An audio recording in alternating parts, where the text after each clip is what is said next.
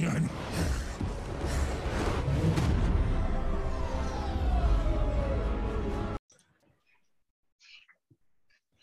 okay, welcome back guys. Welcome back to our channel. Kembali lagi ke edisi collab bareng lagi bersama Ethereum Maximalis ya. Uh, Mas Mas Odi ya panggilannya ya. Odi ya benar. Oh, salah kenal ya Mas. Ya, ini bukti ya, uh, uh, Maximalis tuh cuman ini aja ya, apa uh, kultus aja ya, bukan kita uh, apa harus ada diskusi juga tetap ya Mas. Benar ya? Betul, betul, betul. Meskipun aku nggak maksimalis juga sebetulnya. Ya. Cuman oke, okay. gak apa-apa. Iya, gak apa-apa. Ya. Sebelumnya, ini tak kenal maka tak sayang dulu, Mas. Maksudnya gimana, Mas, awal explore crypto itu gimana? Masuk ke dunia crypto itu gimana? Oh iya, um, aku sebetulnya dari dulu memang suka teknologi, kan aku sebenarnya dari 2010-an tuh udah, udah lurking di 4chan terus terusan segala macam. Nah dulu di 4chan tuh kan sering sharing-sharing tentang um, kriptografi dan Tor khususnya. Terus ngobrolin tentang si ini nih apa namanya dulu namanya Silk Road lah beli beli barang-barang. Ya.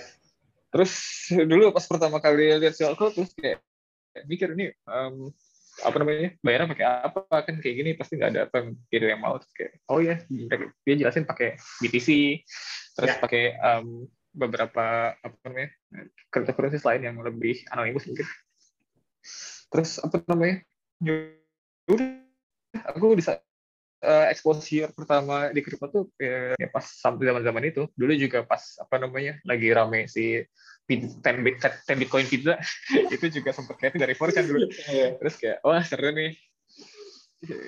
Cuman kayak dulu dulu masih belum ada aksesnya lah buat beli kayak ke mana juga dulu kayak dulu uang online dulu uang uang fiat aja bahkan masih dikit kayak susah terus nah. ya udah apa namanya sebenarnya dari dulu Terus um, aku sebetulnya tahun 2017-2018 itu juga sempat uh, ada exposure lagi karena kan um, ICO boom ya, misalnya ingat ICO boom, semua orang pada bikin ICO, lain-lain. Yang sejujurnya buat aku sih banyak banyak yang predator lah, banyak yang baik yang nggak nggak bagus gitu ya niatnya.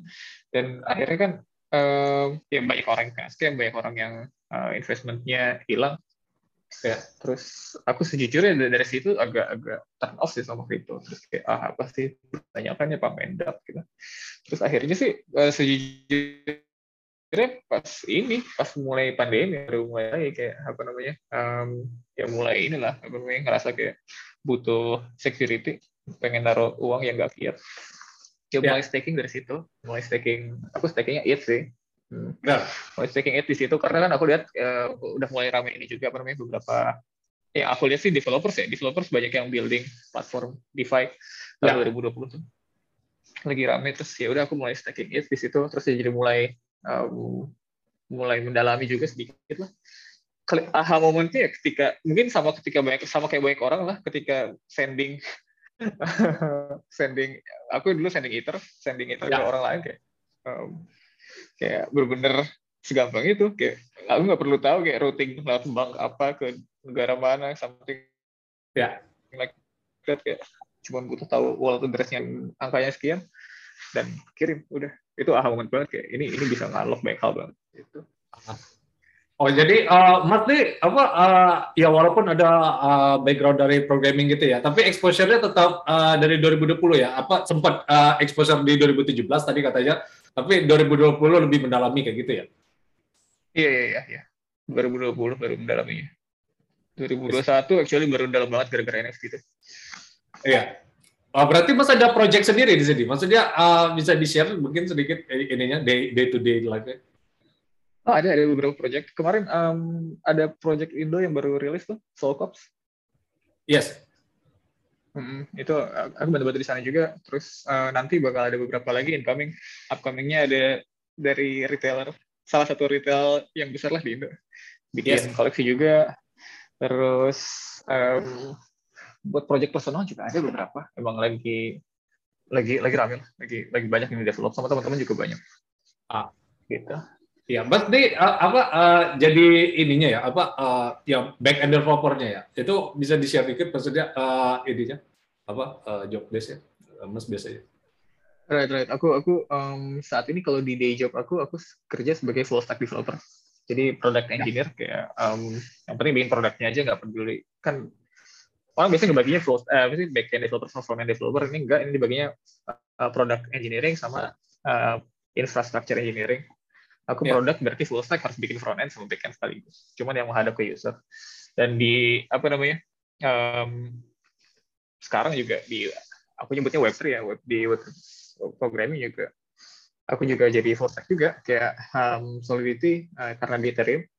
Dan juga um, buat interface-nya pakai React pakai jadi full stack lah. Bikin website-nya sekaligus bikin smart contract.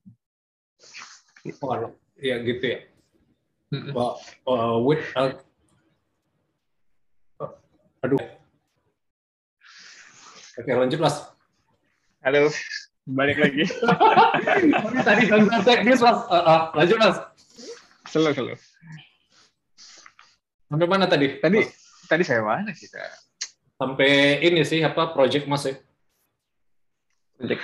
Ya ada beberapa project ada upcoming project sama salah satu retail Indo gede sama ada beberapa lagi sama teman-teman. Aku sekarang tuh lagi banyak teman ini sih crypto artis sih. Jadi bukan maksudku bukan artis yang bikin NFT gitu ya bukan bukan digital artis terus bikin NFT tapi emang crypto artis emang medium uh, nya si kriptonya itu kayak bikin smart contract sendiri terus ya. um, ngelakuin macam-macam hal pakai si smart contractnya kayak si Nahiko, Pak, lain-lain gitu. Wes mantap kalau gitu. Lagi seru lah. Jadi pas lebih fokus ke NFT sih ya ketimbang ke DeFi-nya ya. Maksudnya kan uh, kalau di Ethereum ecosystem itu kan uh, dia punya ada scope masing-masing kan. Iya. Right. Aku justru sekarang lagi ada project DeFi yang lagi aku kerjain. Oh, aku lagi megang frontend aja DeFi. Nah, ada satu project DeFi yang lagi seru juga. Um, Price Goal namanya. Kalau misalnya mau gitu, belum belum rilis, demonya udah ada, udah jalan di Kova Network-nya Ethereum. Iya. Um, lagi seru, lagi lagi seru juga DeFi. Uh, di, kayak bakal ada katanya orang DeFi 3. eh, oh, sorry, DeFi dari Web3 tadi ya? DeFi 3 ya. Iya. Cuman kayak ya, apa namanya? Um, lagi aku sih bikin bikin smart bikin front aja di situ. Terus lagi lagi seru lah aku aku bener-bener um, ini aja nyibukin diri bikin semuanya uh, cobain semuanya dan ya gitu.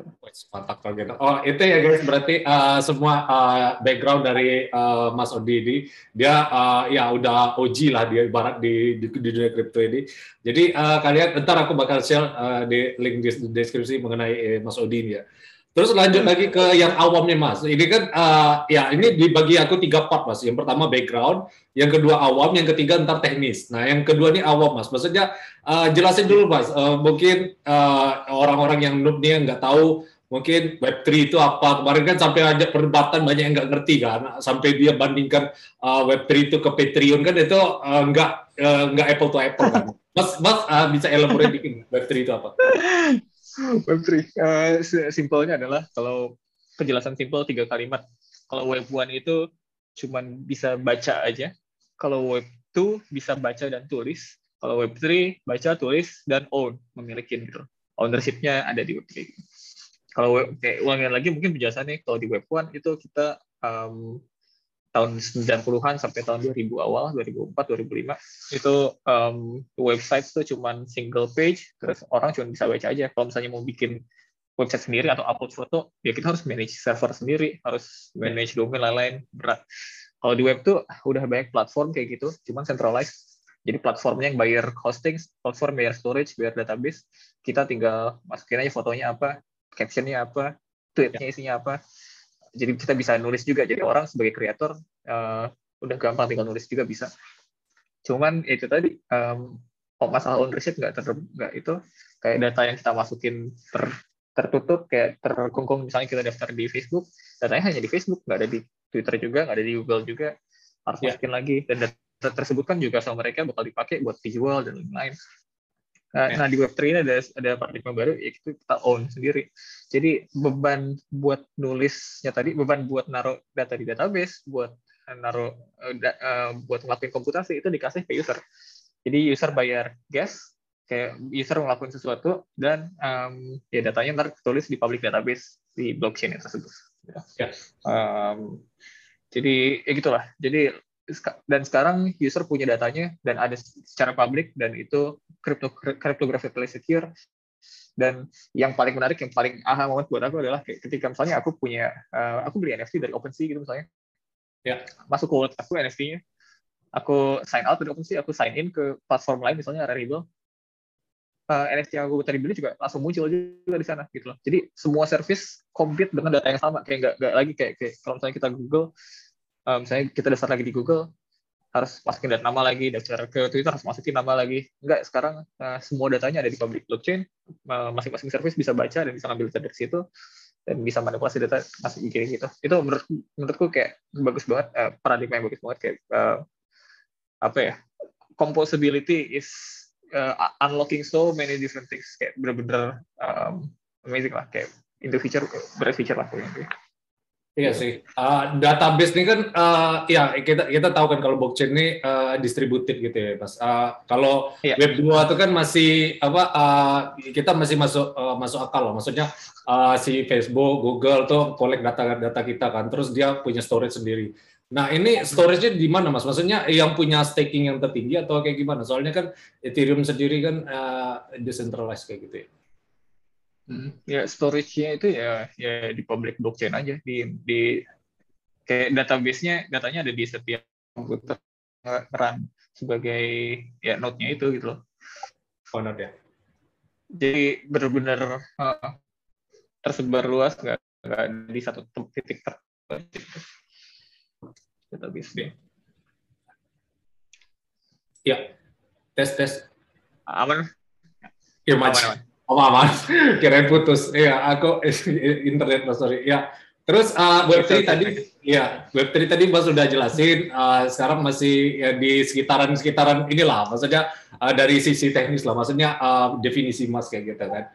Uh, NFT sendiri apa Mas? Maksudnya uh, banyak orang masih belum tahu kan. Orang Indonesia ini kan ya kemarin sempat disebutkan sama Mas Ridwan Kamil juga bahwa uh, mulai ini kan perdalam NFT kan. Nah, menurut, menurut Mas di sini uh, NFT di sini uh, apa tuh? NFT sebetulnya nggak nggak not that big of a deal, nggak nggak gini. NFT menurutku kayak both the best thing uh, invented sama not that big of the deal. Maksudku adalah misalnya kalau orang lihat NFT itu apa sih yang kebayang pasti cuma kayak board ape gitu gambar monyet dijual satu juta dolar gitu soalnya kayak, nah, kayak apa sih ya, NFT nah. artinya gambar gambar doang dijual mahal buat apa? Bisa di bisa di right click save juga kan gitu. Benar. Um, by the way aku baru beli uh, artwork uh, namanya right click save s nanti bisa dicek di wall itu keren banget jadi aku pengen share juga dikit.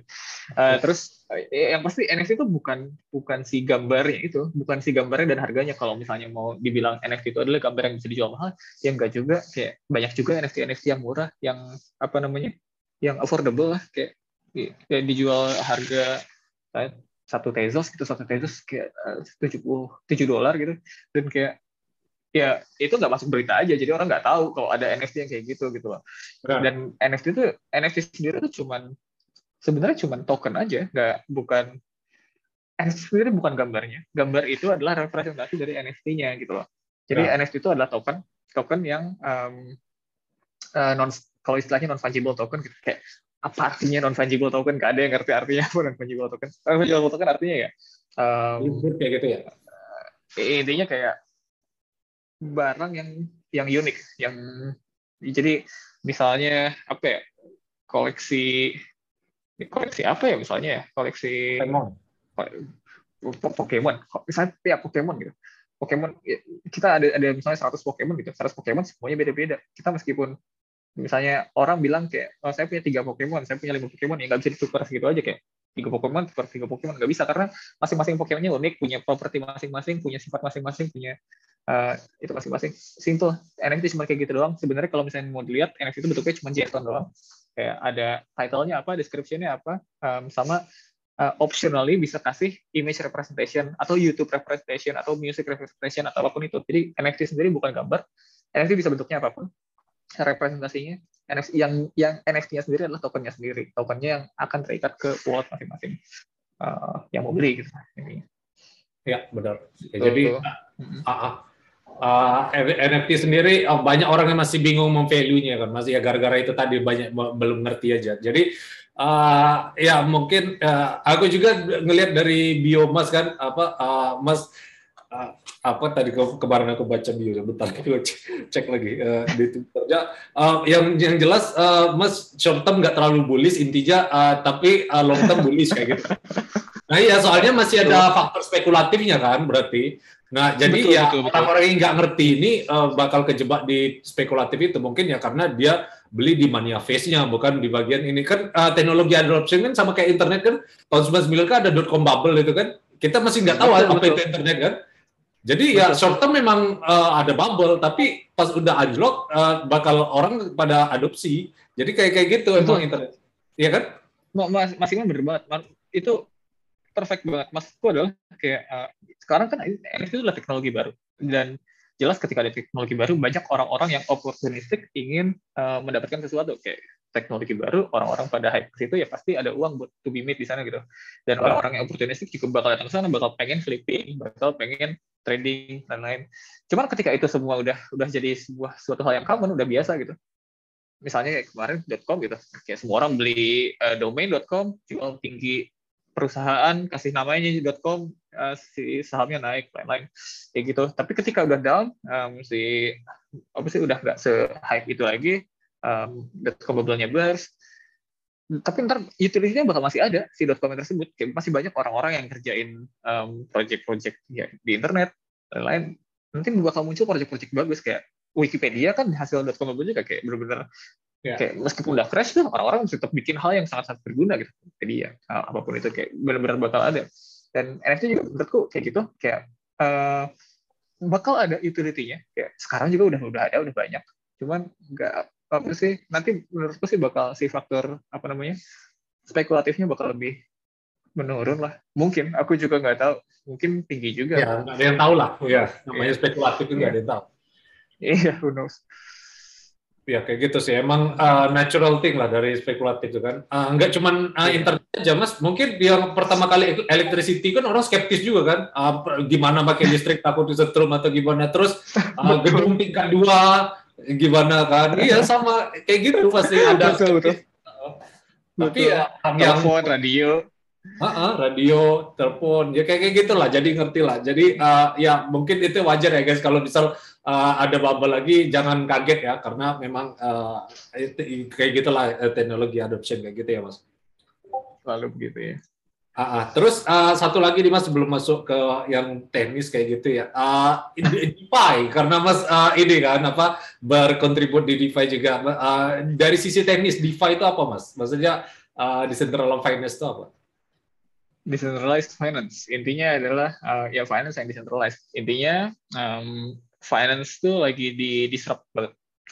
Um, jadi traditional finance biasanya orang kita nyebutnya kan TradFi traditional finance. Ya. Itu benar-benar bloated dan lambat dan penuh regulasi. Kemarin aku ulangin lagi mungkin si ada si siapa Mark Cuban bilang dia udah punya kayak tabungan berapa misalnya sepuluh ribu di bank gitu sepuluh ribu dolar anggap terus uh, dia pengen minjem lima ribu dolar di bank dia tetap harus ngisi paperwork lain-lain bank harus tetap harus melihat uh, eh, harus survei lagi sedikit atau apa pun itu. Cuman yeah. kalau misalnya di DeFi, kalau misalnya kita punya like sepuluh ribu kolateral di AV gitu misalnya, mau pinjam lima ribu dolar, bam, one click, five minutes cair, gitu benar-benar um, cair dan kayak fee-nya sangat rendah. Kayak buat misalnya bank, kita bank naruh uang di bank tuh um, dapat bunga berapa sih? Kayak sekian persen doang. Terus ya. kalau kita minjem bunganya berapa bayarnya? Gede gitu loh. kita bunganya 10 kali lipat. bunga deposit dapatnya kecil bunga bayar dapat bayar gede gede banget. Dan itu kan sebetulnya kan compounding ya. Kayak kayak bunga tuh di di kali lipatin terus terusan kayak kurvanya tuh eksponensial nggak bukan linear gitu loh. Dan ya. di DeFi itu semua di break. Kayak benar-benar apa namanya profit yang tadinya gede banget ini diambil sama bank sekarang bisa diambil di take uh, sama user. Benar-benar sama user doang. Ya. sama user itu depositor dapat uh, bunga lebih tinggi untuk ketika ketika naruh uang. Dan borrower bayar bunga lebih rendah ketika dia mau apa namanya uh, minjem gitu loh. Dan itu semua bisa karena ya, bayangin aja bank sekarang.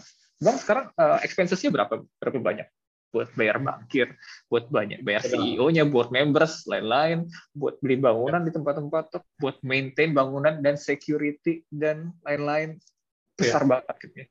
Dan itu semua um, di cut sama DeFi value-nya benar-benar di capture sama user, fully di capture sama user dan makanya DeFi bisa ngasih uh, percentage uh, apa yang gede banget dan bumayar gede banget. Itu sih. Dan banyak cara-cara lain kayak tadi mungkin mungkin nanti kita jelasin masih collateralized lending gitu ya. Iya benar. Uh, soalnya ya Mas uh, yang sempat ngobrol di uh, Spaces kemarin, Uh, itu ya benar sih aku ya banyak biaya tete bengeknya lah. Maksudnya administrasi bank itu kan kita nggak tahu duit itu ke mana kan.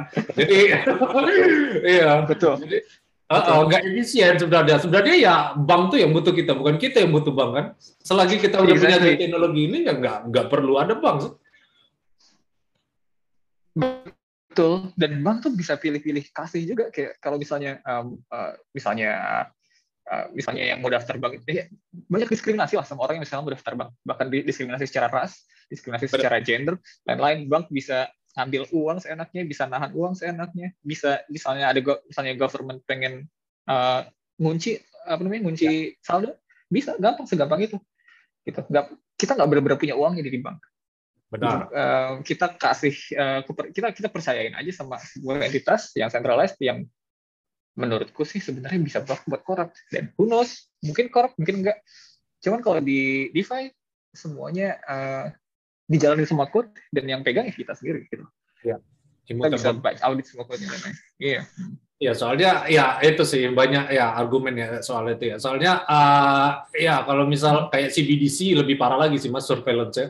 Soalnya ya kita nggak ada kontrol sama sekali sama uang kita Gak usah jauh-jauh, kita kita aja nggak bisa narik 100% uang kita di bank kan, ada minimal amount yang harus kita tarik kan. Padahal duit-duit kita kan. Iya. Betul, betul. Ke kemarin pas lagi dit, aku pengen masukin duit ke kripto, nggak bisa, dilarang sama bank ya. Trans batas transaksi harian. Lo kayak apa sih kayak data yang diproses juga nggak beda, cuman saya pengen ya, transfer aja biasa, cuman ya mungkin buat mereka itu fitur keamanan ya, cuman kan secara secara konsep itu uang uang uang saya juga gitu ya saya saya punya mestinya punya punya punya otoritas yang lebih tinggi dari bank untuk kayak untuk uh, akses uang saya gitu kayak kalau nggak bisa diakses ya bukan benar lah gitu rasanya kayak, kayak uh, ya gitulah benar-benar oh, bank bilang itu fitur keamanan nah, aku mikirnya itu kayak um, ya dia nggak ngambil ya ngelakuin hal yang seharusnya nggak dia lakuin gitu ngebatasin tuh ya nggak kayak gitulah caranya Iya sih. Nggak benar punya kita uangnya rasanya. Uh, uh. Itu uh, dari perbankan aja ya, Mas. Uh, kalau lebih kalau Mas lebih tahu makro kayak gitu dari monitor sistemnya juga udah agak beres sih menurut aku.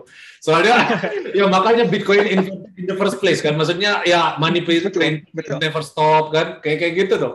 Jadi betul, yang kaya makin kaya, miskin makin miskin tuh emang karena adanya central bank. Jadi ya, ya betul, itu. betul, betul. Bitcoin um, dan cryptocurrency lain itu benar-benar uh, ini sih freeing banget dan ya yeah, nggak bisa di stop menurutku ini movement ini. Iya makanya uh, apa uh, kalau ya kayak misalnya uh, uh, money printing lah, misal contoh The Fed atau Bank Indonesia kayak gitu kan. Nah mereka kan kayak yang kemarin itu kasih ya stimulus ada persen cost lah, apa tapi kan kita harus lihat dari dua sisinya kan. Uh, kalau dia printing money out of thin air kan untuk stimulus ekonomi, terus uh, ngasih bantuan ke apa uh, ke BLT ke orang-orang yang terdampak pandemi kayak gitu kan. Tapi kan nggak bisa kayak terus menerus kayak gitu kan. Soalnya ya itu cuman anu sementara, sedangkan uang dicetak terus dan inflasi kan hasil kan. Betul, ada dampaknya. Iya. Ada dampaknya dari printing auto stimulus itu, eh, inflasi hyperinflation juga lagi diomongin banget. Di US juga udah mulai kerasa. Di, di US lebih parah dari di Indonesia bahkan ya enam persen betul, Indonesia betul. baru berapa? Nggak tahu. Soalnya uh, eh, US kan bisa ini kan apa uh, uh, global reserve currency kan. Nah kalau misalnya circulating yeah. supply-nya udah di di di uh, diadopsi di seluruh dunia lagi maksudnya ditambah reserve-nya US dollar itu ya otomatis terdampak ke kita juga inflasinya. Iya kan? Betul betul betul. Makanya itulah uh, itu kalau makro ya mas. Jadi uh, mungkin ya dan, ini dan lagi ngobrol ya. Uh, Indonesian rupiah tuh currency terlemah keempat. Lemah banget currency kita. Iya. Hmm. makanya ya. Impactnya pasti gede banget kalau kita buat kita. Uh, uh, uh. makanya kalau kita nggak apa nggak adopsi kripto atau bitcoin tuh emang agak susah sih. Maksudnya uh, inilah only hope ya kita keluar dari sistem apa uh, surveillance kayak gini ya mas. Betul bro. Wes mantap. Itu uh, jadi itu yang mengenai NFT, Web3 sampai ngobrolin uh, ngobrolin makro dikit tadi ya. Uh, ya terus uh, ya terakhir mas, uh, ya masih di area awam uh, kan kemarin tuh ya ini kan uh, gara-gara kita move ke tower digital kan ada metaverse juga kan. Nah dari sisi mas nih metaverse tuh apa gitu? Maksudnya dari sisi teknis kayak mas? Dari sisi teknis ya, metaverse itu apa sejujurnya ya? Aku juga belum bakal belum tahu metaverse itu bakal jadi kayak gimana. Aku sendiri nggak terlalu percaya bakal fully VR terus kayak lain-lain. Menurutku ya. metaverse yang ada ya, ya mungkin extension dari yang sekarang udah ada aja bahkan sedikit. Um, pertama dan adanya NFT kan uh, kita jadi bisa benar-benar own barang-barang. Kayak barang-barang tuh benar-benar punya kita dan yeah. apa namanya ya bisa di trade bisa dilakuin hal lain-lain. Uh, menurutku metaverse sekarang udah ada dan ya segini-segini aja. Mungkin nanti bakal ada yang apa namanya bikin. Kemarin tuh ada yang bikin ini apa namanya World Wide Web Land.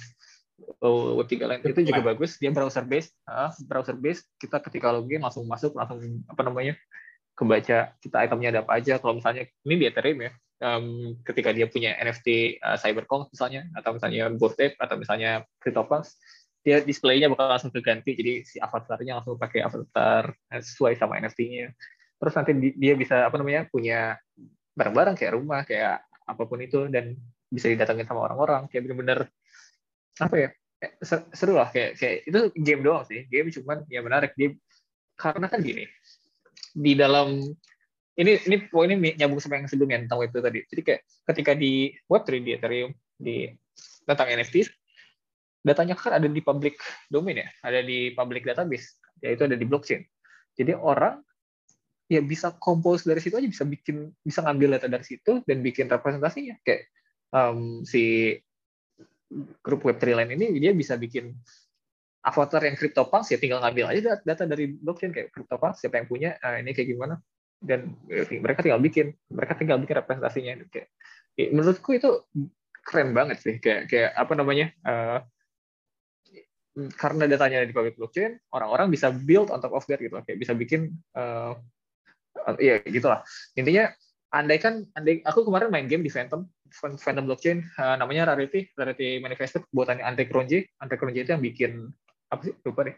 Salah satu DeFi protocol juga. Uh, yang keren adalah nggak ada website official. Ada website official satu rarity rarityMMO.com cuman orang-orang lain juga bikin website yang sama gitu. Bikin website tempat main game ya datanya ngambil dari public blockchain yang sama. Hal yang bisa dilakukan hal yang sama. Cuman ya semua orang bisa bikin ya platformnya representasinya sesuai sama orang-orang. Kayak benar-benar keren banget lah. Kayak benar-benar apa namanya igniting creativity. Kayak um, lain-lain. Dan apa ya yang menang di sini adalah usernya gitu loh. User jadi bisa milih kayak platform mana yang paling bisa ngasih experience yang paling enak buat user gitu loh. Jadi di di di web3 itu companies benar-benar uh, berusaha ngasih pelayanan terbaik buat user. Dan user bebas banget bisa milih kayak nggak kayak gitu di web tuh web tuh user ya cuma bisa milih uh, satu ketika udah masuk vendor udah ada namanya vendor login gitu Itulah. Ya. Inventionnya berarti dia kayak di ownership itu ya, mas. Soalnya kalau udah nyampur kayak ya, di metaverse tuh, uh, misal contoh kita kayak game apa dulu game online apa contoh RF lah sebut kan. Aku dulu sempat main RF juga. Kalau RF-nya tutup, kita nggak bisa punya ownership itu kan, padahal kita punya item yang bisa dijual exactly. kan. Makanya, exactly. iya. Itu itu kerennya itu banget kayak, kayak bahkan item yang sama misalnya ada game lain yang pakai item itu juga gitu. Bisa bisa aja. Iya. Kayak kayak nggak ada yang ngelarang gitu loh. Kayak misalnya RF itu tuh ya ntar ada orang bikin game lain pakai itemnya RF misalnya. Dan ya mungkin fitur parity atau bahkan kayak 50% strength dari item sebelumnya atau apa pun itu cuman bisa gitu loh. Di sebelumnya nggak bisa. Karena sebelumnya database-nya centralized dan tertutup satu sama lain. Di sini kan public dan semua orang bisa akses. Itu sih keren yang menurutku benar-benar revolutionary. Iya benar. Dan uh, ya metaverse bakal kayak gitu. Iya, sampai Facebook aja ini kan udah mulai masuk kan. Jadi jangan sampai Facebook duluan yang menang kan. Kita kalau buat Facebook ya balik lagi di zaman game online nggak ada bedanya, ya kan? Betul, betul. Balik lagi ke ya indahnya adalah kayak andaikan Facebook masuk dan dia bikin terus kalau misalnya datanya ada di uh, public domain di di blockchain ya semua orang bisa bikin vampire attack ke aplikasinya Facebook gitu kayak orang lain tinggal bikin aja um, si metaverse yang lebih bagus dari Facebook pakai item-itemnya Facebook we don't care gitu loh user bakal pindah ke ya, platform yang lebih baik tersebut gitu. Jadi ya gitu mungkin itulah uh, kita nggak tahu sih ke mana arah metaverse-nya yang jelas nggak tahu. Uh, nggak tahu. Ya, itu kan butuh adopsi VR atau apa kan jadi kalau udah kita disconnect ke reality itu mungkin lebih ini ya apa yang kayak digital memang apa digital ekonomi lebih kedorong kayak gitu ya mas mungkin. Iya iya mungkin. But I don't know itu masih aku masih nggak tahu sih. Ya spekulatif ya teknologi kan spekulatif ya jadi nggak ada yang tahu ya kayak gitu. Jadi ya betul, betul. soal soal ya banyak iya sih. Aku masih kayak ini sih nggak tahu ya. Mungkin Facebook nih arahnya emang ke sana kayak gitu. Cuman uh, ya dia udah ngeliat potensi sebenarnya di kripto tuh semenjak ini sih mas apa kalau mas tahu yang Libra dulu kan tapi di shutdown Libra, iya iya ya, nggak nggak iya, boleh iya. bikin currency sendiri kan jadi ya udah dia iya. masuk ke meta kayak gitu jadi Eh, kita udah tahu dia tuh sebenarnya Mark Zuckerberg tuh udah ngeliat potensi kripto. Kemarin aja dia apa uh, uh, ads dari kripto kan di eh, dinaikin lagi kan sempat di ban kan. Tapi sekarang yeah, uh, lift yeah, yeah. di kan ban ya. Jadi ya kita udah udah ngerti lah ya, kayak gitu lah. Jadi uh, mereka tuh udah tahu cuman uh, nggak nggak masih masalah compliance atau masalah apa nggak ngerti. Cuman dia kayak pelan-pelan exposure-nya kayak gitu. Iya, yeah, iya, yeah, betul. Wes, jadi sampai ke mana-mana. Menarik iya benar kalau dia mungkin panjang ini nggak ada sampai mungkin 12 SKS kayak gitu ya terus Betul, uh, ya ini uh, ya masuk ke ini mas uh, ke apa uh, ke tenis kayak gitu ya eh, ya ini kan tadi mas uh, sebutkan uh, NFTs terus uh, Web3 kayak gitu kan nah NFT sendiri uh, pakainya dia tuh ERC berapa mas? Satu tiga tiga satu atau ERC berapa? Soalnya kan ada ERC-nya tuh yang non fungible yang uh, uh, token yang ini kan apa yang enggak similar sama yang uh, yeah. ERC-nya. NFT non fungible token itu namanya buat si ERC321 sih. Ada 1155 juga kalau nggak salah. Betul, 1155 itu disebutnya semi fungible token. Jadi uh, gabungan antara ya fungible dan non fungible. Jadi bisa di bisa di ituin, bisa pilih. Um, jadi intinya 1155 itu satu kontrak bisa bikin beberapa jenis uh, eh, NFT, bisa dibikin beberapa jenis token yang uh, bisa multiple editions gitu loh. Misalnya kayak um, token yang ID satu um, itu single edition. Non jadi berarti dia non fungible. Jadi cuma ada satu doang. Tapi token yang token nomor dua dia ada 20 editions atau 100 editions atau unlimited. Bisa multiple edit multiples gitu. Um, benefitnya adalah misalnya mau dipakai buat game gitu kontrak yang 1155 ini um, biasanya dipakai buat currency kayak kayak um, gold atau silver atau um, bronze gitu jadi kayak gold misalnya ID 1 silver ID 2 um, bronze ID 3 itu dia dia fungible. Jadi sesama gold bisa tukar sama gold sesama silver bisa tukar sama silver gitu. Um, tapi ERC 115 juga bisa dipakai buat non fungible jadi kayak misalnya orang mau bikin koleksi 20 uh, eh, profile pictures gitu. Ya dia bikin aja uh, 155 tapi token ID 1 sampai 20-nya ya masing-masing cuma single edition gitu cuma satu jumlahnya dan nggak dimint lagi. Ya itulah itu itu teknis aja sih. Apa namanya? Aku juga lagi ada project lagi bikin pakai 155 sih. Lagi lagi seru juga. Oh ya jadi uh, apa perbedaannya lebih ke semi ininya ya? Apa uh, interchangeable ya ketimbang yang lainnya ya? Betul betul. Lebih interchangeable aja. Jadi uh, kalau satu satu lima lima kalau misalnya dilihat di OpenSea gambarnya kayak stacking gitu loh. Kayak misalnya um, punya 20 uh, token ID satu gitu misalnya. Ntar ada NFT-nya, terus di situ ada X 20 kali 20 jumlahnya gitu. Gitu. Wis mantap kayak gitu ya.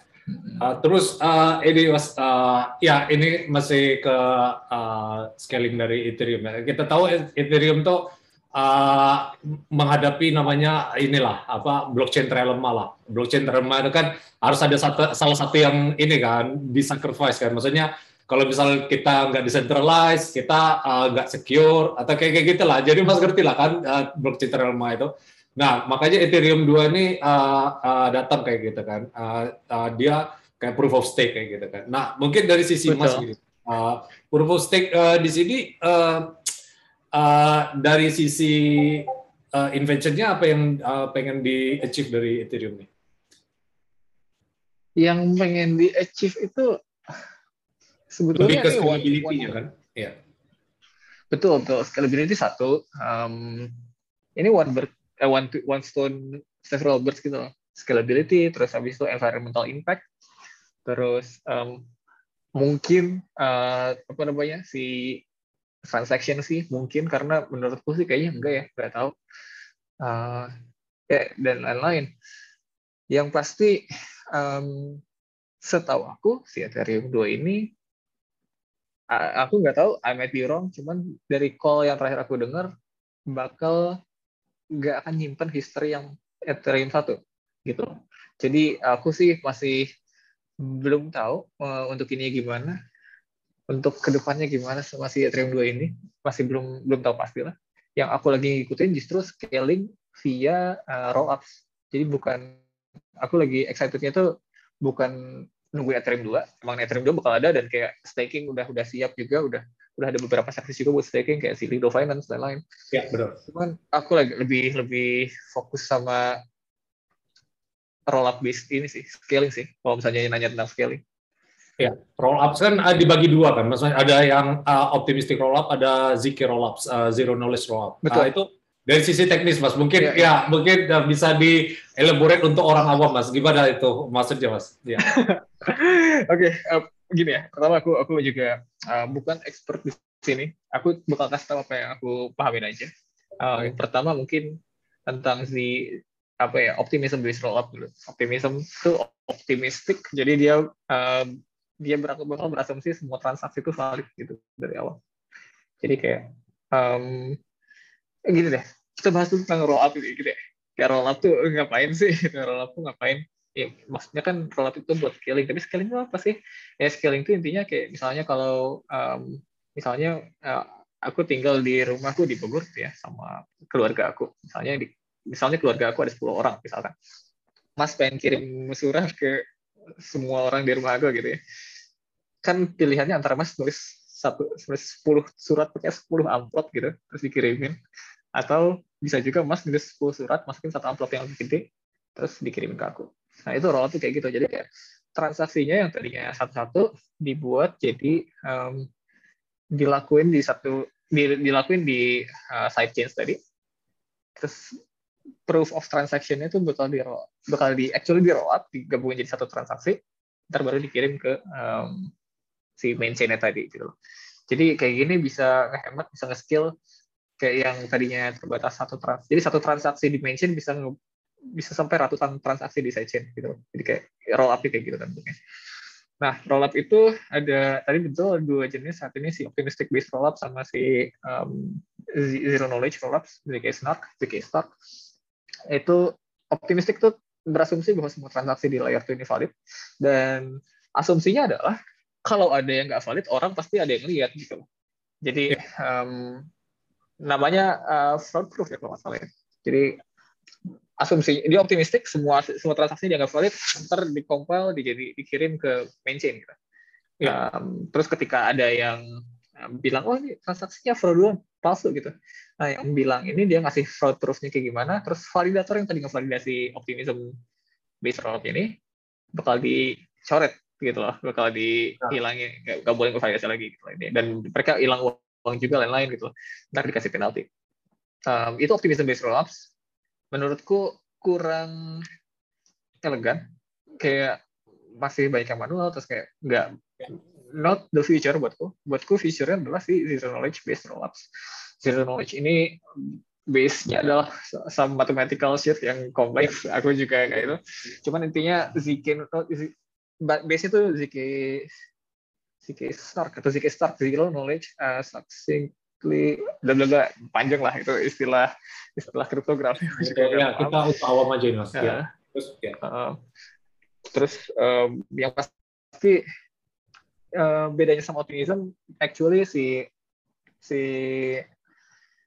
transaction ini bakal dijalanin dan di di, dikoreksi sama si validatornya dulu gitu dan bakal dikasih bukti secara zero knowledge uh, ke main chain bahwa si uh, transaksi ini valid gitu. Ada ya, base-nya matematik lah. Aku juga kurang paham itu ya um, apa yang dilakukan. Cuman yang pasti dia jadi jauh lebih limited dibanding sama optimism based rollups gitu.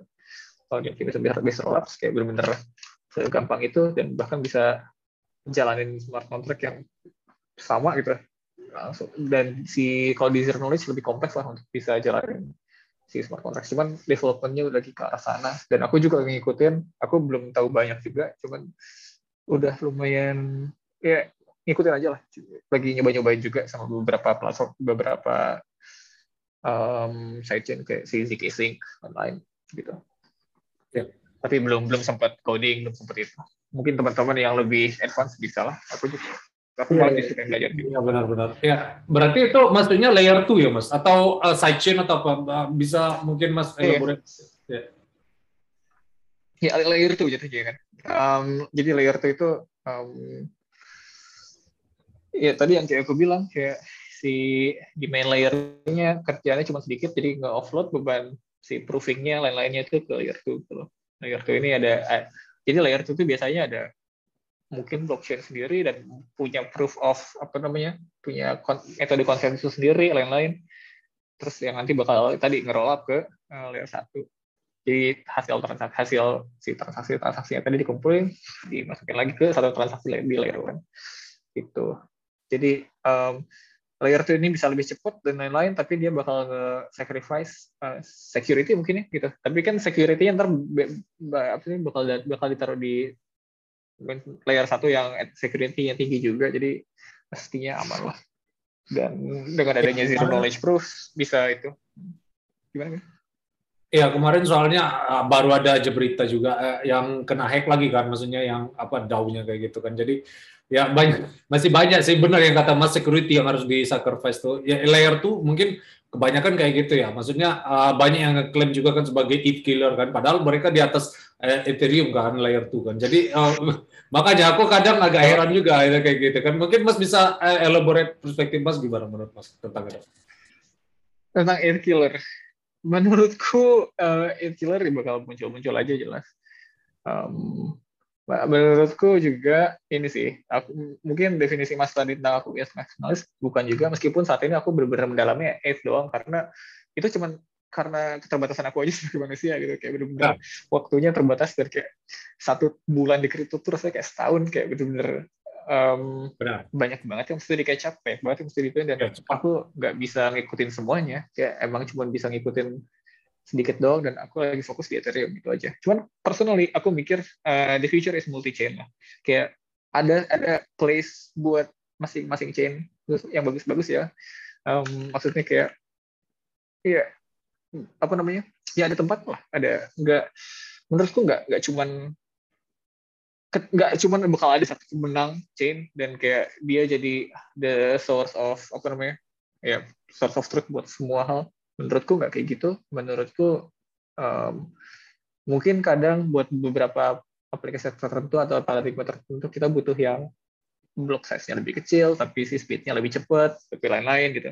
Ya itu kan trade off aja. Kayak nanti juga bakal ketemulah sweet spot-nya buat masing-masing aplikasi cocoknya di uh, chain apa. Cuman ya gitu.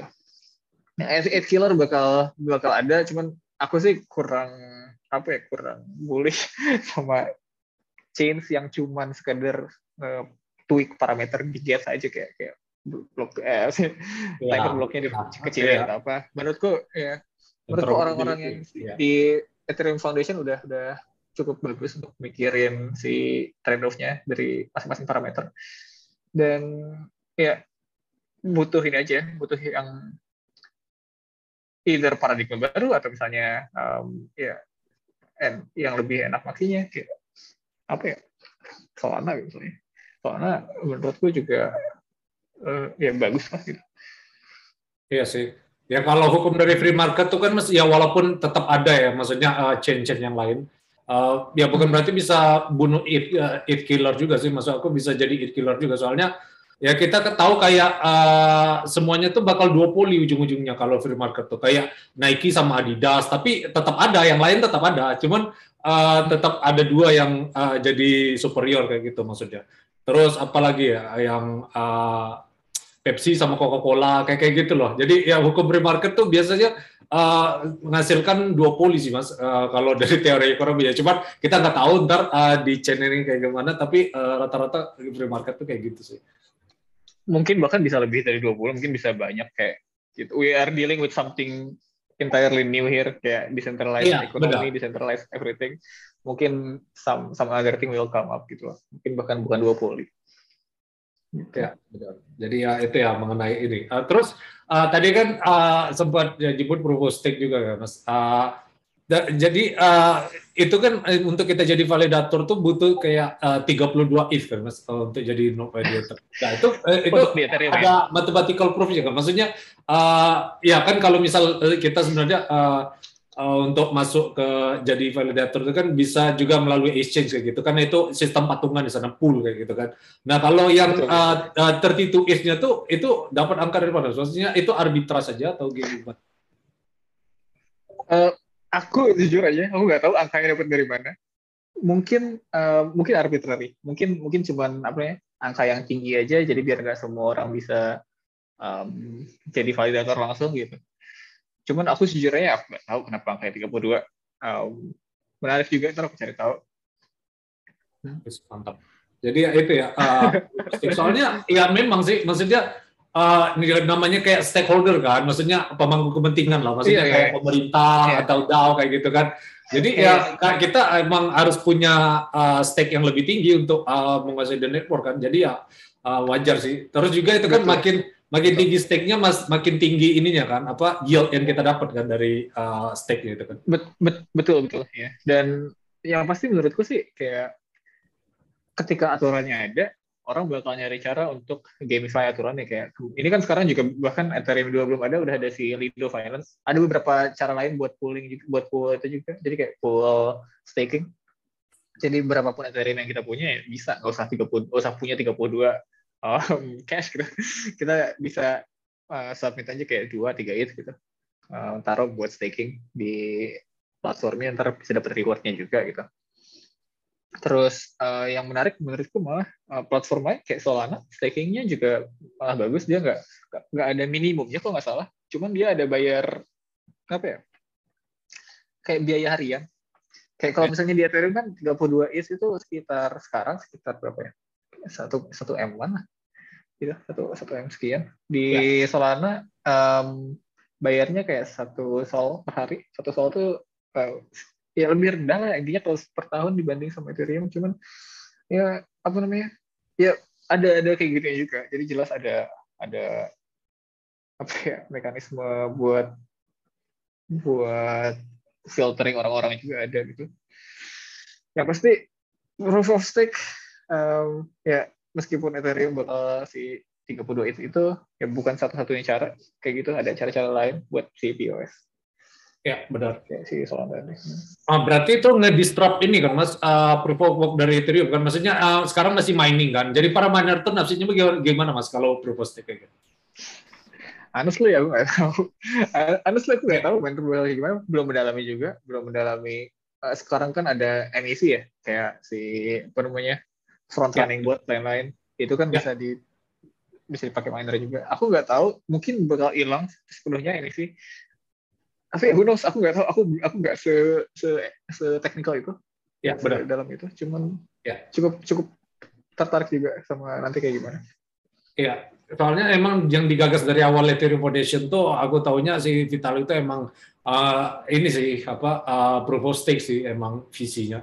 Jadi kalau proof of work kan ya masih yang Mas bilang tadi kayak uh, kita uh, climate kan, climate issue kayak gitu. Jadi uh, lebih fokus Menur, ke menurutku menurutku nggak nggak climate issue sama sekali sih kayak uh, energi yang dipakai buat gaming itu lebih besar daripada energi buat itu aku setuju aku setuju itu oh, oh. kan kayak kayak dan apa guna dari gaming, apa guna dari cryptocurrencies, apa guna dari Ethereum. Ethereum like literally powering this global trade yang permissionless, yang benar-benar uh, powerful, kayak uang yang programmable gitu dibanding sama gaming gitu. Dan orang-orang um, ya terlalu apa ya terlalu nggak dimonize kripto aja mungkin kayak kelihatan karena yang kelihatan di berita adalah mining rig yang gede-gede banget dan lain-lain. Cuman kan mining rig mining rig tersebut juga apa ya? Um, ya nggak sebanyak itu kayak kayak katanya ya aku nggak tahu data benerannya ada blognya yang bilang kayak, um, di entire Ethereum network itu ngambil ambil energi sejumlah YouTube gitu totalnya YouTube kayak data centernya YouTube dan lain-lain yang yang segede gitu punya Google dan kayak menurutku itu trade off yang bagus banget dibandingin saya sama traditional finance traditional finance berapa carbon footprintnya nggak punya nah. uang mining like mining actually mining the earth buat dapetin rarity buat yeah. dapetin scarcity kayak buat ngambil emas buat ngambil silver gitu. Kayak dari bumi kayak harus harus mining earthnya ngerusak buminya. Actually ngerusak gitu actually ngerusak dan ngebakar dan pakai chemical yang berbahaya dan eksploitasi orang-orang. Sementara di cryptocurrency nggak kayak gitu.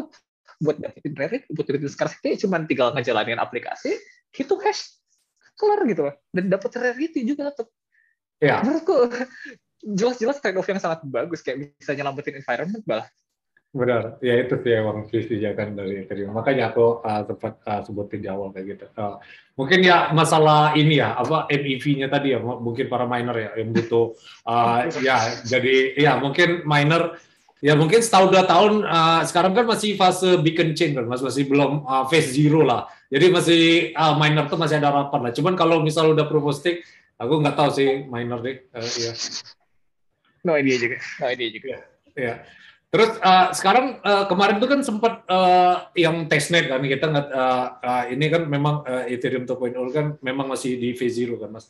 Uh, sempat gagal juga kan ininya uh, yang emang itu tujuan testnet ya. Maksudnya kita uh, sebelum masuk mainnet kan melalui testnet. Uh, ada mas yeah. pernah dengar namanya Spadina testnet kayak gitu kan? Itu pernah.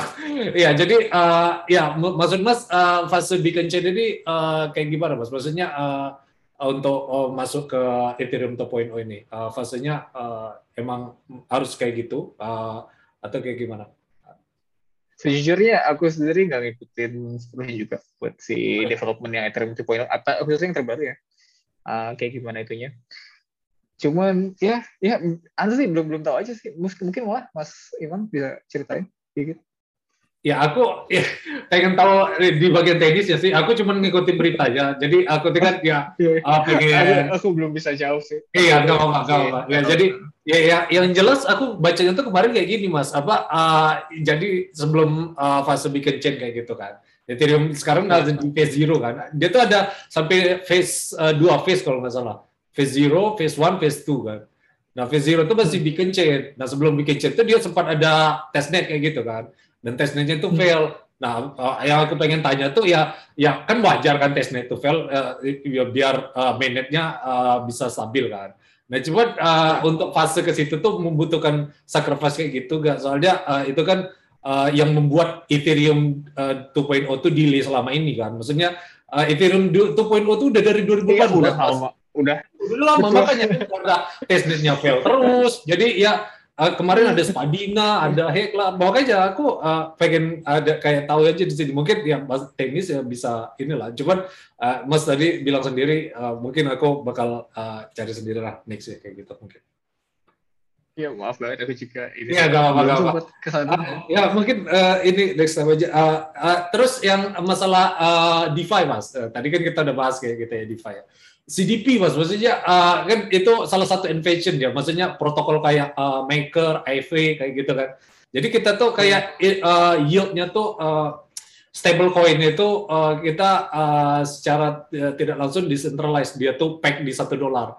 Karena tiap kali uh, kalau uh, apa misal harganya lebih dari satu dolar, orang insentif untuk ngejual. Uh, terus kalau yeah, apa di bawah satu dolar insentif untuk membeli kayak gitu kan. Jadi uh, bisa dijelasin betul, dulu mas apa CDP itu apa mas? Teknisnya aku nggak tahu ya. Maksudnya gini, aku mungkin lebih ke arah um, konsep kali ya. Menurutku um, invention kayak uh, stable coins yang algoritmik kayak gini, ini bagus banget. Kayak gimana ya? Gini, selama ini kan um, kemampuan money printing itu benar-benar centralized dan otoritasnya cuma ada di central bank, cuman ada di government, cuman ya. government yang punya kebijak ya kebijakan dan apa namanya um, wewenang buat printing money gitu loh. Dan mereka print money ya dan perhitungan mereka yang I don't know what, yang nggak public, yang ya ketika dibutuhkan print, ketika nggak nggak, cuman kayak decisionnya apa nggak nggak jelas gitu loh dan menurutku gini banyak orang-orang pinter kita di seluruh dunia matematika uang dan lain-lain yang sebenarnya bisa bikin sistem-sistem yang lebih efisien dibanding uh, yang government lakuin sekarang, yang inflationary. Contohnya ya platform-platform kayak gini, terus kayak bahkan nanti ada yang baru-baru kayak, I don't know, mungkin Om pernah denger kan, kayak mereka bisa bikin uh, something yang stable tanpa apa namanya, tanpa actually harus um, ada hard peg-nya gitu kan. Bayangin sih kayak, kayak bener-bener. Mereka jadi kayak karena karena si kemampuan money printing ini di democratize orang-orang pinter ini yang like actually jago at math jago at ekonomi mereka bisa eksperimen kayak mekanisme money printing mana sih yang paling efisien yang yang yang bagus yang paling stable yang gak inflationary yang bakal terikat ke yang ada yang ada yang stable gitu kayak development stable coins itu bener-bener um, salah satu hal yang keren banget menurutku yang makanya DeFi bisa apa foundation dari DeFi itu ya stable coins menurutku. Dan kayak ya. um, um, development di stable coins tuh ini banget sih apa namanya uh, interesting banget. Aku gimana ngejelasin deh udah udah ya benar amazing aja. Kayak, uh, ya walaupun kayak eh, aku gimana mas? Uh, gimana walaupun oh ya jadi ya walaupun uh, ya aku di sini ya Bitcoin masih males juga kan, tapi uh, aku juga nggak okay. mau uh, kalau misal uh, ya masih butuh stable coin market lah kayak USDT atau apa. Sedangkan USDT itu dibangun di atas Ethereum juga kan, apa uh, hmm. layer ya. Jadi uh, kayak ya walaupun USDT itu eh, unquote centralized lah, maksudnya kita kan cuman uh, percaya sama issuance dari uh, apa uh, Tether dan Bitfinex. Tether. Gitu. Ya, tapi betul, ya, betul, ya. ya uh, kayak gitulah market. Mungkin orang memang nggak peduli ya sama nama saya internal atau enggak ya. Selagi mereka pakai, mungkin butuh paradigm shift sih. Nunggu tether ini implode atau kayak gimana kan, baru mereka, iya. Andaikan tether implode kayak dua atau tiga tahun lalu, mungkin kayak impactnya bakal gede banget kripto. Kayak benar-benar karena semua semua hal nah, di trade-nya ke tether gitu kan. Benar. Cuman kan sekarang kayak dengan adanya stable coins yang lain, yang jauh lebih stable juga dari Tether. Menurutku andaikan ada Black Swan event, misalnya Tether tiba-tiba uh, goes down value, nggak akan separah dulu sih. Kita udah punya like um, bener-bener ya stable coins yang stable beneran, terus kayak uh, agak full algoritmik gitu loh, atau reserve-nya ada di tempat lain gitu kayak um, dan lebih terbuka. Menurutku uh, developing stablecoin ini penting banget juga buat crypto untuk menghindarin kayak hal-hal kayak gitu. Iya benar sih. Ya. Di 2020 parah sih mas, maksudnya sampai liquidation kan. Maksudnya ya kan uh, apa di balik apa uh, backup uh, dari stable uh, stablecoin itu kan uh, underlying tokennya itu kan kayak ETH atau apa kan. Kalau Ethereum-nya go down, orang otomatis orang likuidasi semua kan. Jadi ya itu sih, uh, uh, makanya uh, di market kayak gini yang masih ya notabene masih bayi kayak gini, jadi uh, wajar sih butuh di develop kayak gitu stablecoin. Iya, iya, iya keren. Mantap kalau gitu. Uh, terus, uh, iya panjang kita ngobrol nih. Uh, terus, uh, Mas tadi kan sebut, uh, nyebut AV juga kan, AV protokol kan. Maksudnya uh, lending market, Mas. Maksudnya uh, di sini invention-nya uh, di bagian mananya, Mas, uh, lending uh, protokol deh? Oke, okay, selain tadi yang pertama tentang banknya tadi di di construct terus dijadiin satu smart contract doang, jadi ya. semua value-nya buat user. Iya. Yang APY-nya tuh datang dari banget tuh. Yield-nya tuh datang dari mana? Iya. APY. Yield-nya tuh justru ya bayangin aja value yang tadi nggak dikasih sama bank. Ya benar. Ya, biaya itu ngerti. Iya, cuman uh, ada aku pernah baca terus, quote kayak gini mas. Uh, uh, quote dia, uh, if the yield is too high, uh, have you considered you might be the yield? I see, I see, I see. Ya, maksudnya ya kalau misal kamu aku apa? setuju, aku setuju. Justru yeah. kayak itu mungkin um, applicable banget buat beberapa apa namanya project kayak Om ya, Om atau Om Force gitu kan. Iya, yang benar. menurutku bisa yang ratusan APY itu nggak jelas itu. Iya, benar. Jutaan APY yang bisa didefinisikan mungkin sebagai Ponzi gitu loh. Cuman menurutku nggak nggak fair juga menyamakan uh, Web3 Ponzi dengan um, Web2 uh, eh, bukan Web2 ya kayak crypto Ponzi dan uh, apa sih uh, pas Ponzi gitu. Karena kan di Ponzi Ponzi scheme sebelumnya benar-benar ada leader yang emang berniat jahat dan bisa take the money gitu langsung. Sementara di, di crypto Ponzi kayak gini orang tuh tahu um, apa yang dia masukin gitu kayak oh tahu ini sistemnya Ponzi like tapi nggak ada leader yang bisa ngambil uang segitu aja. Kayak kodenya open source. Treasury-nya juga kelihatan secara publik gitu. Dan owner juga nggak bisa recall juga lah. Bisa, bisa aja recall kalau kodenya dijahatin. Cuman kan di beberapa sistem yang bagus kayak si om gitu kayak kodenya udah open source. Bisa dilihat kayak orang nggak bisa langsung ambil duitnya kabur gitu. Nggak karena di lock pakai si kode tersebut gitu. Loh ya agak beda sih. Kayak kayak I don't know. Aku bahkan jadi mikir uang kayak apakah Ponzi itu inherently bad Enggak, menurutku menurutku Ponzi ya skema aja skema.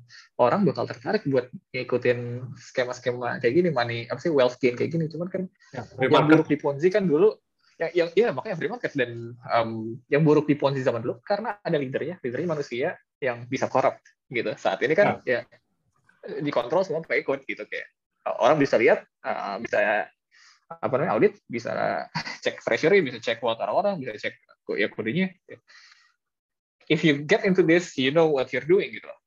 You should yes. know what you're doing.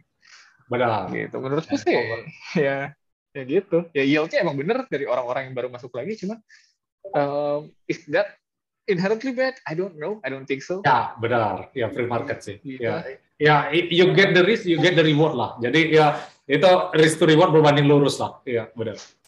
Betul, betul, betul.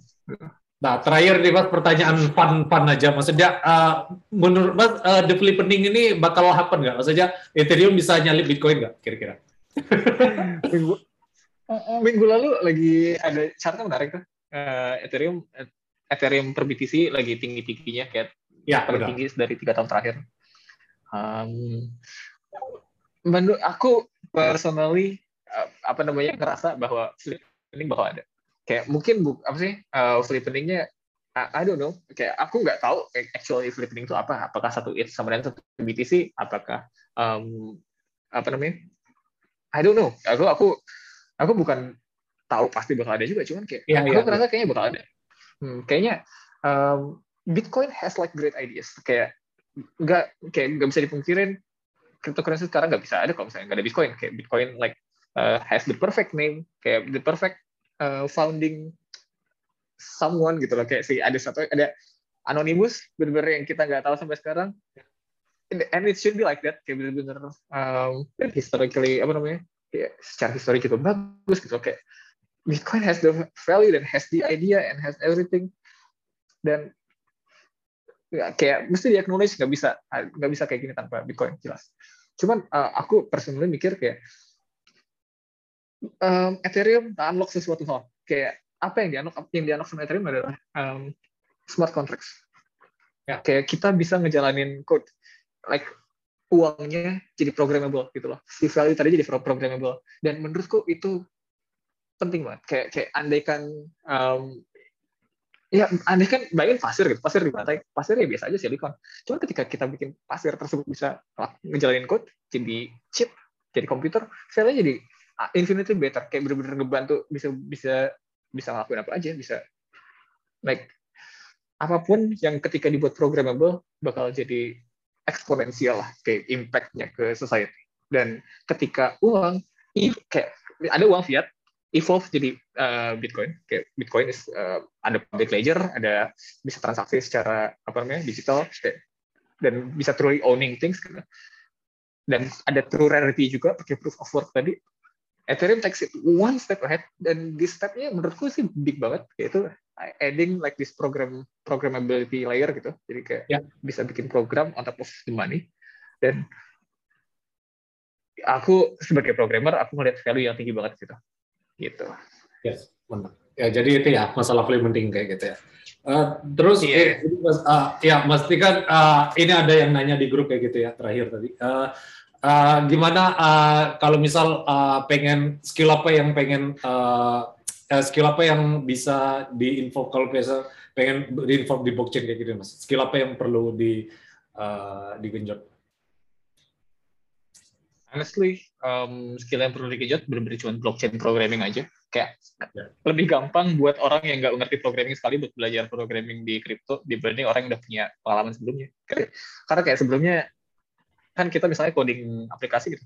Kita tuh dulu diajarin buat bikin aplikasi bikin frontendnya sama bikin servernya gitu. Ya sekarang servernya udah ganti udah nggak pakai server lagi. Kodenya uh, public dan um, jalan di semua komputer orang ya kita sekarang codingnya smart contract. Yang tadinya backend programmer ganti jadi smart contract programmer. Jadi kalau misalnya baru mulai banget belajar frontend seperti biasa terus belajar um, ya smart contract programming aja kalau menurutku. Gitu. Ini untuk di ya Ya, ya. ya. Itu ada yang nanya di grup soalnya tadi. Ya, sebenarnya masih banyak ini yang pengen ditanya. Mungkin part 2-nya ngajak Mas Imre juga ya, Mas, sekali lagi. Ya. Boleh, boleh. Next time ya. aja.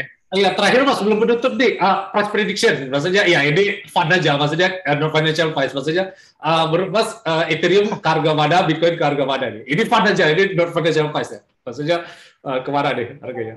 Atau the moon, atau udah selesai, ini bull marketnya gara-gara kemarin anjlok kan? Ya. Aku aku dua-duanya bullish, honestly. Dua-duanya bullish. Um, aku aku nggak tahu harga gimana. Cuman Ethereum dua puluh ribu is not a dream sih menurutku. Benar. Ya, bakal bakal. Iya. Gitu. Itu pun juga nggak sampai 10x kan, eh, dua puluh ribu kan. Jadi ya wajar. Enggak, 5x paling. Iya. Iya, Bitcoin ke seratus ribu aja nggak nyampe 2x sebenarnya. Tapi orang banyak udah takut. kita kita tahu. Betul betul. Aku juga bahkan boleh Bitcoin 100x gitu, 100 k gitu kayak satu apa namanya? Bitcoin 100 k. Aku bahkan tadinya mikir kayak last bull season tuh bisa sampai 100 k is gitu. Tapi ya belum. Apa enggak? I don't know. Ya, sekarang ini udah bagus ya. Di Nova Nizal cuman ya kayak gitu ya. Ya udah. Yang lucu tuh kemarin tuh deh. Top topnya di 69, ya. bottomnya di 42 gitu. Ah itu angka Elon Musk itu. angka Elon Musk. Aduh, itu meme yang paling ini sih, meme of century itu emang Elon Musk nih. Tapi emang kayak kita hidup di simulasi aja, maksudnya kayak kayak sebuah sebuahnya itu udah kayak dirancang kayak gitu. Iya kan? Betul. Ah, betul, betul. Aneh.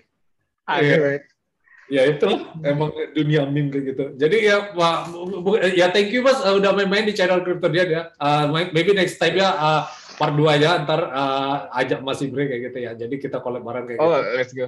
Oh iya. Let's go, let's go. Like and subscribe to our channel ya guys.